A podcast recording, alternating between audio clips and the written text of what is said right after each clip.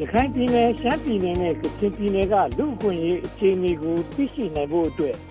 EU ကိုဥရောပနိုင်ငံများသမဂ္ဂအဖွဲ့ကလွန်ခဲ့တဲ့အောက်တိုဘာလမှာလေ့လာရေးမစ်ရှင်တစ်ခုမြန်မာပြည်ကိုစေလွှတ်ခဲ့ပါတယ်။အဲဒီမတိုင်မီကလည်းရိုဟင်ဂျာအပေါ်ပြစ်မှုကျူးလွန်မှုနဲ့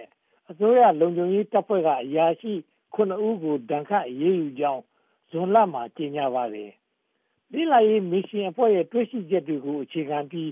လူ့အခွင့်အရေးဖောက်ဖျက်မှုကိုချက်ချင်းရပ်ဆိုင်းဖို့မြန်မာအစိုးရကိုတောင်းဆိုတဲ့ဆုံးဖြတ်ချက်ကိုကုလသမဂ္ဂလူ့အခွင့်အရေးကောင်စီမှာလွန်ခဲ့တဲ့မတ်လကချမှတ်ပါတယ်။ဒီဆုံးဖြတ်ချက်ကို39နိုင်ငံကထောက်ခံပြီးတရုတ်ကျူးဘားနဲ့ဖိလစ်ပိန်းကကန့်ကွက်ပါတယ်။လူ့အခွင့်အရေးချိုးဖျက်မှုတွေရပ်ဆိုင်းပြီးကုလသမဂ္ဂနဲ့ပူးပေါင်းဆောင်ရွက်ဖို့မြန်မာအစိုးရကိုတိုက်တွန်းတာဖြစ်ပါတယ်။ အခွန်ကင်းလွတ်မှုကို အခွင့်ကောင်းယူပြီး ယူရိုတန်း2300ဘူးဥရောပကို မြန်မာက2018မှာ တင်ပို့ပါတယ်။ဒီထဲမှာ အဝိအထည်က ယူရိုတန်း1900ကျော် ဆန်ကတန်း140ကျော် ကျောက်မြက်ကတန်း130နဲ့ဖနက်ကတန်း120ကျော် ပါဝင်ပါတယ်။ဒီလိုဆက်လက်တင်ပို့နိုင်ဖို့အတွက် ကုလသမဂ္ဂနဲ့ လက်တွဲလုပ်ဖို့ လိုအပ်ကြောင်း EU ဥရောပအဖွဲ့က ကြေညာပါတယ်။ မြန်မာအစိုးရကတော့ ကုလသမဂ္ဂ အစီရင်ခံစာနဲ့ ဆုံးဖြတ်ချက်တွေဟာတစ်ဖက်သက်လုပ်ရက်တွေ ဖြစ်တယ်လို့ဆိုပြီး လက်မခံပါဘူး။လူအခွင့်အရေး အခြေအနေ ကောင်းမွန်မလာဘူးဆိုရင် EU ဟာ တခုခုလုပ်ရတော့မယ့် အခြေအနေကို ရောက်သွားနိုင်ပါတယ်။မြန်မာကိုပေးထားတဲ့ အခွန်ကင်းလွတ်ခွင့် ရုပ်သိမ်းတာဟာ EU အတွက် အလွယ်ဆုံးနည်းပါပဲ။အထည်အလိပ်ဖနက်နဲ့အခြားအသုံးဆောင်ပစ္စည်း ထုတ်လုပ်နေတဲ့ မြန်မာအလုပ်သမား တသန်းကျော် ရှိပါတယ်။အဲဒီထဲမှာ အထည်ချုပ်လုပ်ငန်းမှာ အမျိုးသမီး 9သိန်းကျော်ရှိပါတယ်။စစ်အစိုးရကို EU နဲ့ အမေရိကန်ဒဏ်ခတ်အရေးယူစဉ်က အထည်ချုပ်စက်ရုံ120ကျော်သာကျန်ပါတယ်။ဒဏ်ခတ်မှုရုပ်သိမ်းပြီး အခွန်လွတ်ကုန်သွယ်ခွင့် ပြန်ရတော့မှ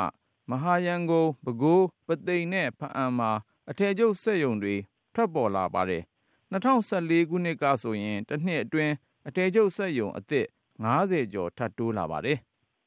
မြန်မာပြည်က ပို့ကုန်တွေ အကန့်အသတ်မရှိ အခွန်အကောက်မရှိ ဥရောပမှာ ရောင်းချခွင့် ပြန်ရတာ2013ကဖြစ်ပါတယ်။ဒီအခွင့်ထူးကြောင့် မြန်မာအထည်ချုပ်လုပ်ငန်းမှာ ရင်းနှီးမြှုပ်နှံသူတွေ များလာပါတယ်။အခွန်ဆောင်ရမယ်ဆိုရင်တော့ အခွန်ကင်းလွတ်ခွင့်ရတဲ့ နိုင်ငံတွေကို ယှဉ်ပြိုင်နိုင်မှာ မဟုတ်လို့ မြန်မာပြည်က ထွက်ခွါတဲ့ ကုမ္ပဏီတွေ များလာပါလိမ့်မယ်။လူ့အခွင့်အရေး ချိုးဖျက်မှုနဲ့ ကမ္ဘောဒီးယားရဲ့ အခွန်ကင်းလွတ်ခွင့်ကို ယာယီရုပ်သိမ်းဖို့ ဖေဖေါ်ဝါရီလမှာ EU က ကြေညာတာကို မြန်မာအစိုးရ သတိထားသင့်တယ်လို့ မကြာမီက စင်ကာပူ ISEAS လေ့လာရေးဌာနက ထုတ်ဝေတဲ့ Whither Garment Industry ဆိုတဲ့ Nick J. Freeman ရဲ့ စာတမ်းမှာ ဖော်ပြထားပါတယ်။အစိုးရစစ်တပ်ရဲ့ လုပ်ရက်ကြောင့် အရပ်သားတွေလုပ်တဲ့ အလုပ်ကို ဒဏ်ခတ်အရေးယူသလို ဖြစ်နေပါတယ်။အခွန်ကင်းလွတ်ခွင့် ရုပ်သိမ်းလိုက်လို့ နစ်နာမဲ့သူတွေကတော့ မြန်မာအလုပ်သမား တရုတ် ကိုရီးယားနဲ့ အခြားနိုင်ငံခြားကုမ္ပဏီတွေ ဖြစ်ပါတယ်။တရုတ်ပိုင် အထည်ချုပ်လုပ်ငန်းမှာ အလုပ်သမား3သိန်းကျော်ရှိတယ်လို့ ခန့်မှန်းပါတယ်။ဂျပန် ကိုရီးယား စပိန် ဂျာမနီ UK နဲ့ တူရကီကို မြန်မာအထည်85ရာခိုင်နှုန်း တင်ပို့ပါတယ် စစ်တပ်ရဲ့ လူအခွင့်အရေး ချိုးဖောက်မှုအတွက် မြန်မာအထည်ချုပ်လုပ်ငန်းကိုတစားကန်လုပ်တယ်လို့ဖြစ်နေပါတယ် စစ်တပ်ပိုင် ကုမ္ပဏီတွေလုပ်နေတဲ့ စီးပွားရေးလုပ်ငန်းတွေကို ရွေးချယ်ပြီး အရေးယူတာကသာ EU အဖွဲ့ရဲ့ ရည်ရွယ်ချက်နဲ့ နီးစပ်လိမ့်မယ်လို့ သုံးသပ်သူတွေလည်း ရှိပါတယ် စစ်တပ်ကိုမနိုင်လို့ အထည်ချုပ်လုပ်ငန်းကို မီးရှို့တာတဘာဝမကြလှပါဘူး EU အဖွဲ့ဟာ မြန်မာအစိုးရကိုတတိပေးထားပြီးဖြစ်လို့ အခြေအနေ ကောင်းမလာဘူးဆိုရင် အရေးယူဖို့ရှိပါတယ်။ကမ္ဘောဒီးယားကို အရေးယူတဲ့ ဥပမာကို Nick J. Freeman က သူ့စာတမ်းမှာ တင်ပြထားပါတယ်။အရေးမယူခင် အစိုးရနဲ့6လလောက် အပြန်အလှန် ဆွေးနွေးညှိနှိုင်းမှုတွေ လုပ်ပါတယ်။ ဒီ6လအတွင်းမှာ လူခွင့်ရေးအခြေအနေကို အသေးစိတ် စောင့်ကြည့်လေ့လာပါတယ်။အဲဒီနောက် အစီရင်ခံစာ ပြင်ဆင်တာက3လကြာပါတယ်။စုစုပေါင်း12လလောက်ကြာတော့မှ ဥရောပကော်မရှင်က အခွန်ကင်းလွတ်ခွင့် ရုပ်သိမ်းကြောင်း ကြေညာပြီး ရုပ်သိမ်းမဲ့အချိန်ကာလကို သတ်မှတ်ပါတယ်။ဒါလိုကြေညာပြီး6လအကြာမှာ အခွန်ကင်းလွတ်ခွင့် လုံးဝညီကုန်းချုပ်နိုင်ပါတယ်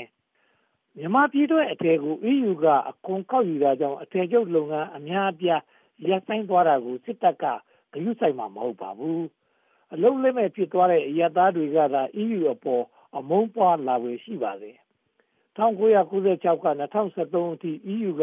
အခွန်ကင်းလွတ်ခွင့် ရုတ်သိမ်းခဲ့တဲ့အတွက် မြန်မာ့စီးပွားရေးမှာ အကြီးအကျယ် နစ်နာဆုံးရှုံးခဲ့ရပါတယ်။ EU ရဲ့ လုပ်ရပ်ကြောင့် ဖွံ့ဖြိုးစနိုင်ငံတွေကို ကူညီရိုင်းပင်းဖို့ တီထွင်ထားတဲ့ အခွန်ကင်းလွတ်ခွင့်ဟာ မြန်မာပြည်မှာတော့ အကူအညီပေးရာ မရောက်ဘဲ ဒုက္ခပေးလို့ဖြစ်လာနိုင်ကြောင်းသင်ပြလိုက်ရပါတယ်ခင်ဗျာ။